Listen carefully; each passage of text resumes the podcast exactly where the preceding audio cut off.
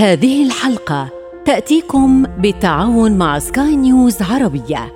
معا نستثمر في طاقة الشباب لخدمة الأوطان. حكايتنا هي انعكاس لذواتنا وقصتي هي امتداد لقصتكم. نعم لم أقابلكم من قبل ولكني أشبهكم في الكثير. أنا مرام عبادي وهذه قصتي. قصتي آخر لوحة رسمتها كانت رسمت لوحتين في نفس الوقت كانت. آه واحدة منها رسمت آه وش أسد. آه واللوحة الثانية كانت رسمت آه إنه صورة مرأة خليجية بفن اسمه التنقيط. كانت اللوحة كده كلها إنه نقط. ورسمت زي ما قلت لك وش وإنه حرمة خليجية مغطية كده زي بعباية. آه والثانية كانت إنه أسد.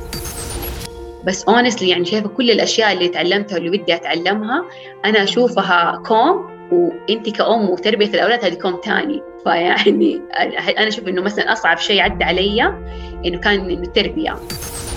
أهلا بكم. أنا طيبة حميد وسأستمع معكم إلى ضيفتنا وهي تروي قصتها الملهمة في قصة بودكاست الشباب العربي. قصتي. من يسمع هذه المقدمة قد يربط الأفكار ويخمن قصتنا لليوم. ولكن هذه الحلقة تحمل الكثير من المفاجآت. قبل أن أسجل هذه المقابلة مع ضيفتي أخبرتني بأنها تحتاج إلى نصف ساعة إضافية قبل البدء بالتسجيل والسبب هو ابنتها التي كانت تقلها من الحضانة إلى المنزل. لأبدأ معها الحديث عن كيفية توفيقها بين كل الإنجازات والحياة الشخصية والحقيقة اكتشفت الكثير. قصتي. أنا كنت أيام الثانوي طالبة شوية حركة فزي الأساتذة ما إنه يعني مو متوقعين إنه يطلع مني شيء علشان إنه يعني حركة وكذا فخايفين أتعبهم مثلا في الكلاسات. فأول ما تخصصت آه نادتني في غرفة المدرسات وقالت لي شوفي أنا أنصحك تروحي أدبي المجال العلمي ابدا ما يناسبك. وأنا شفته كتحدي إنه لا إنه أنا حكمل وحسبت نفسي. وبالفعل يعني بعد أول سمستر جاتني الأستاذة واعتذرت. إنه انت مرة ممتازة وأنا مرة إنه مبهورة إنه انت كيف أثبتي نفسك وكذا فالاوت كم من هذه التجربة إنه لا تخلوا أحد يقول لكم انت تقدر تسوي انت ما تقدر تسوي أنت ما حتعرف إلا لما أنت تجرب. الدكتورة مرام عبادي شابة سعودية طموحة مهتمة بالمجال العلمي. تصف نفسها بأنها امرأة باحثة عن الفرص وعن كل ما هو جديد لتتعلمه. حاصلة على شهادتين للماجستير وعلى الدكتوراه في الأحياء الفيزيائية والتصوير الحيوي عالي الدقة. نشرت أبحاثا في عدد من المجلات العلمية وركزت أبحاثها على تطوير أساليب وأدوات التصوير الجزيئي. بلقيس يا ماما لما تكبر إيش تبي تصيري؟ بصير YouTuber أبى أعلم ناس يسووا حق ال art وأبى أسوي gif حق ال art وأبغى أسوي آه كتير. subscribers و views يعني أكثر من المليون وأنا هذا السؤال دائما في أي interview وفي أي حوار دائما أنسأل ده السؤال. إنه كيف بتوفقي بين حياتك العملية وقبل إنه كطالبة والآن كموظفة وباحث في المجال العلمي وحياتك الأسرية؟ آه، أنا أم لأربع أطفال مو واحدة هذا واحد. الله. آه، عندي حسين بلقيس سارة وماريا. فإنه كيف أنا بوازن بين الإثنين؟ طبعا في البداية كان الموضوع جدا صعب آه، خصوصا أنا إنه يعني أنا كان معي اولادي آه، في الماستر وال PhD فكان في البداية الموضوع مرة صعب بس بعد كده خلاص إنه مع الوقت إنه يعني يمكن أكثر مهارة تعلمتها إنه كيف أرتب وقتي إنه ال time management وتعلمت كمان إنه الأهمية مو في كمية الوقت اللي أنا أقضيه مثلا في ال lab أو اللي أنا أقضيه في البيت الأهمية جودة الوقت ال quality حق الوقت. وطبعا زي ما قلت لك إنه ال time management إنه برتب يومي إنه من الصباح لغاية إنه المساء إنه أنا إيش حسوي. وغالبا مثلا لما كنت طالبة كنت مثلا خاصه إنه من 8 ل 5 أو كطالبة أو كباحث ما بعد الدكتوراه من 8 ل 5 إنه هذه يعني 100% إنه I focus يعني بس في شغل ال lab في في الأبحاث وزي كذا. وبعد الساعة 5 خلاص أفصل إنه أنا خلاص بس إنه أم وبس. فإنه كذا إنه يعني تعلمت كيف أوازن بين الاثنين. هي اختارت أن توازن بين أحلامها وطموحاتها وكل نجاحاتها التي حققتها. الطريق لم يكن بالسهل بالتأكيد ولكن تركيز مرام وإتقانها لمهارة تنظيم الوقت ساعدها كثيرا وأوصلها إلى جوائز مهمة. أنا عن نفسي لما كملت مثلا في مجال العلوم البيولوجية وتخصصت في الأحياء الفيزيائية والتصوير الحيوي فاساسا طبيعة الشغل إنه بحث علمي. فأنا إنه باحثة لأنه إنه بعمل بحث علمي إنه في في بشتغل في المختبرات. وبخصوص إنه أنا يعني شو أنا بعد ما تخرجت من إنه بعد ما خلصت ال PhD خلصت درجة الدكتوراه اشتغلت ثلاث سنين كباحث ما بعد الدكتوراه إنه كنت لسه بعمل أبحاث علمية وكذا. فأنا كنت يعني إنه خلال إنه فترة بحثي إنه اشتغلت على كذا حاجة بس كنت أكثر شيء مهتمة إنه بدراسه حركة الحمض النووي بأشكال مختلفه بظروف مختلفة. وكيف أطور المجهر ال fluorescent microscope المجهر المجهر فائق الدقة. آه، وحصلت على جائزة لوريال اليونسكو آه، لدعم المرأة العربية على مستوى الشرق الأوسط وشمال أفريقيا في 2017 وكانت على هذا البحث بالذات.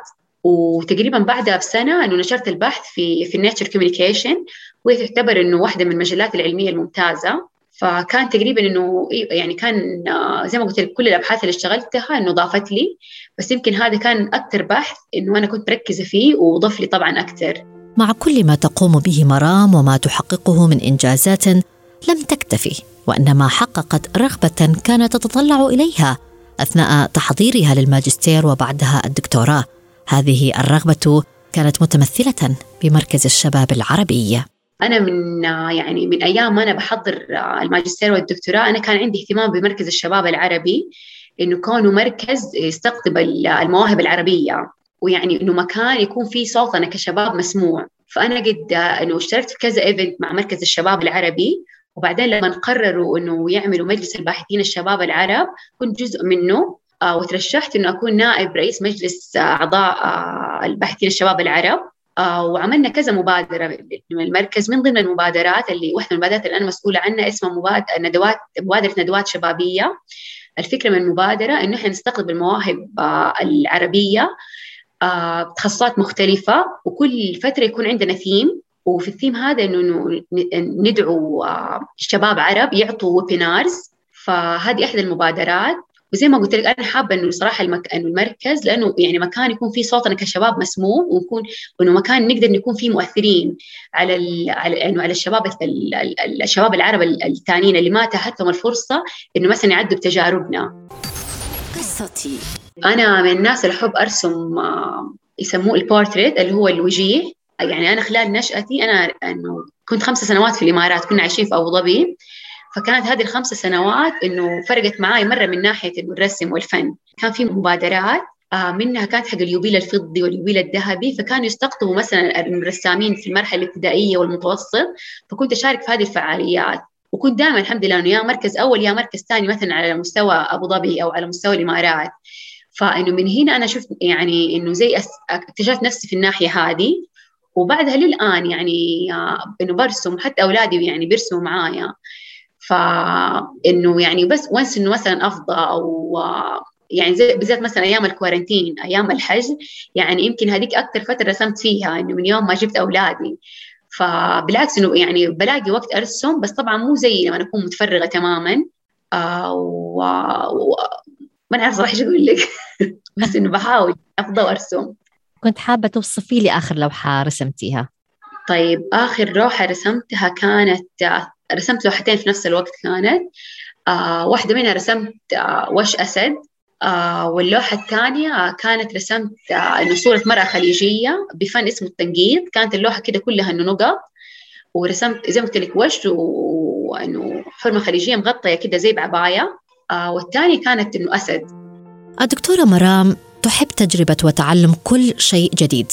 وعلى الرغم من كل المهام المترتبة على عملها وأيضا على الرغم من إنجازها في مجال التحصيل الدراسي إلا أنها تحدثت معي عن صعوبة واحدة تواجهها تعتبرها أصعب من كل المهمات وأصعب أيضا من أي عمل كان أو دراسة. بس اونستلي يعني شايفة كل الأشياء اللي تعلمتها واللي بدي أتعلمها أنا أشوفها كوم وأنت كأم وتربية الأولاد هذه كوم ثاني فيعني أنا أشوف إنه مثلا أصعب شيء عدى علي إنه كان التربية. ولا زلت يعني إنه في خضم التربية يعني فهذا كان إنه أصعب. يعني دائما الناس بيشوفوا إنه كانه انه أخذت PhD الله مرة صعب إنه كيف سويتي وكيف ما نعرف إيش. أقول يعني okay يعني أنا أحس يعني هي في النهاية أرزاق إنه ربنا رزقني إنه بقبول في الجامعة هذه وقدرت أكمل. والحمد لله توفقت. آه بس كوني أم هذا كان يعني يمكن أصعب أصعب جزء في حياتي يعني. كل مرحلة عمرية في تحديات يعني لما يكونوا مرة صغار إنه أغلب الوقت إنه يكونوا مثلا يبغوا يعني يكونوا يعني متعلقين في أم فيكون الاحتياج غير إنه اغلب يعني غالبا يكون رعاية إنه تاكلي تشربي تنومي كذا. بس لما يكبروا آه يصير التحديات تختلف. مثلا يعني عندي ولد كبير حسين دحين آه دخل 11 سنة فبدأ مثلا يراهق. فإنه يعني إنه خلاص مثلا بدأ بيفرض رأيه فأنت مثلا تقنعيه. ففي كل مرحلة عمرية إنه التحديات تكون مختلفة. سالت ضيفتي عن رسالتها للشباب العربي وإذا ما كانت نظرة المجتمع مختلفة تجاه المرأة الشابة والناجحة فكانت الإجابة كالآتي. والله اللي أحب أقول لهم إنه يعني لو واجهوا أي عقبة في حياتهم سواء في حياتهم الشخصية أو في مسيرتهم المهنية إنه ما يخلوا شيء يوقفهم. يعني كل مشكلة ولها حل أو بخصوص نظرة المجتمع للمرأة آه، أنا أشوف النظرة صراحة جدا اختلفت عن زمان. يمكن لو قلت لي قبل 20 سنة إنه إنه إنه كونك مرأة يكون عقبة أقول لك إيوه ممكن. آه بس الآن لا. يعني أنا أشوف إنه بالذات يعني عندنا في مجتمعنا الخليجي المرأة والرجل نفس الشيء. وأي شيء الرجل يقدر ينجح فيه تقدر المرأة تنجح فيه. المرأة مو مصيرها إنه يعني أنا عندنا للأسف يعني في فئه من المجتمع شايفين المرأة إنه سقف أحلامها إنه تكون مثلا ربة منزل. وهذا الشيء مو عيب بس هذا مو كل شيء. المرأة تقدر تسوي كل شيء يقدر يسويه الرجل. طموحات وأمنيات وإنجازات مرام ليس لها سقف ولا حدود. تحلم بالمزيد من الابتكار والإبداع والتنافسية بين الشباب العربي وأيضا المزيد من الأبحاث العلمية لكي نحجز مكانا لنا في عالم أكثر تقدما. واحدة من أحلامي أنا أتمنى صراحة نثبت نفسنا إنه على مستوى العالم إحنا كشباب عربي أو كشباب خليجي وعربي إنه في مجال البحث العلمي. آه يعني إحنا الآن آه يعني آه خصوصا مثلا مع رؤية المملكة 2030 وكذلك في الإمارات يعني الدول متوجهة للبحث العلمي. الدول عارفة إنه مثلا مستقبل الدولة في البحث العلمي. فأنا جدا أتمنى إنه إحنا نقدر نثبت نفسنا على مستوى العالم في هذا المجال.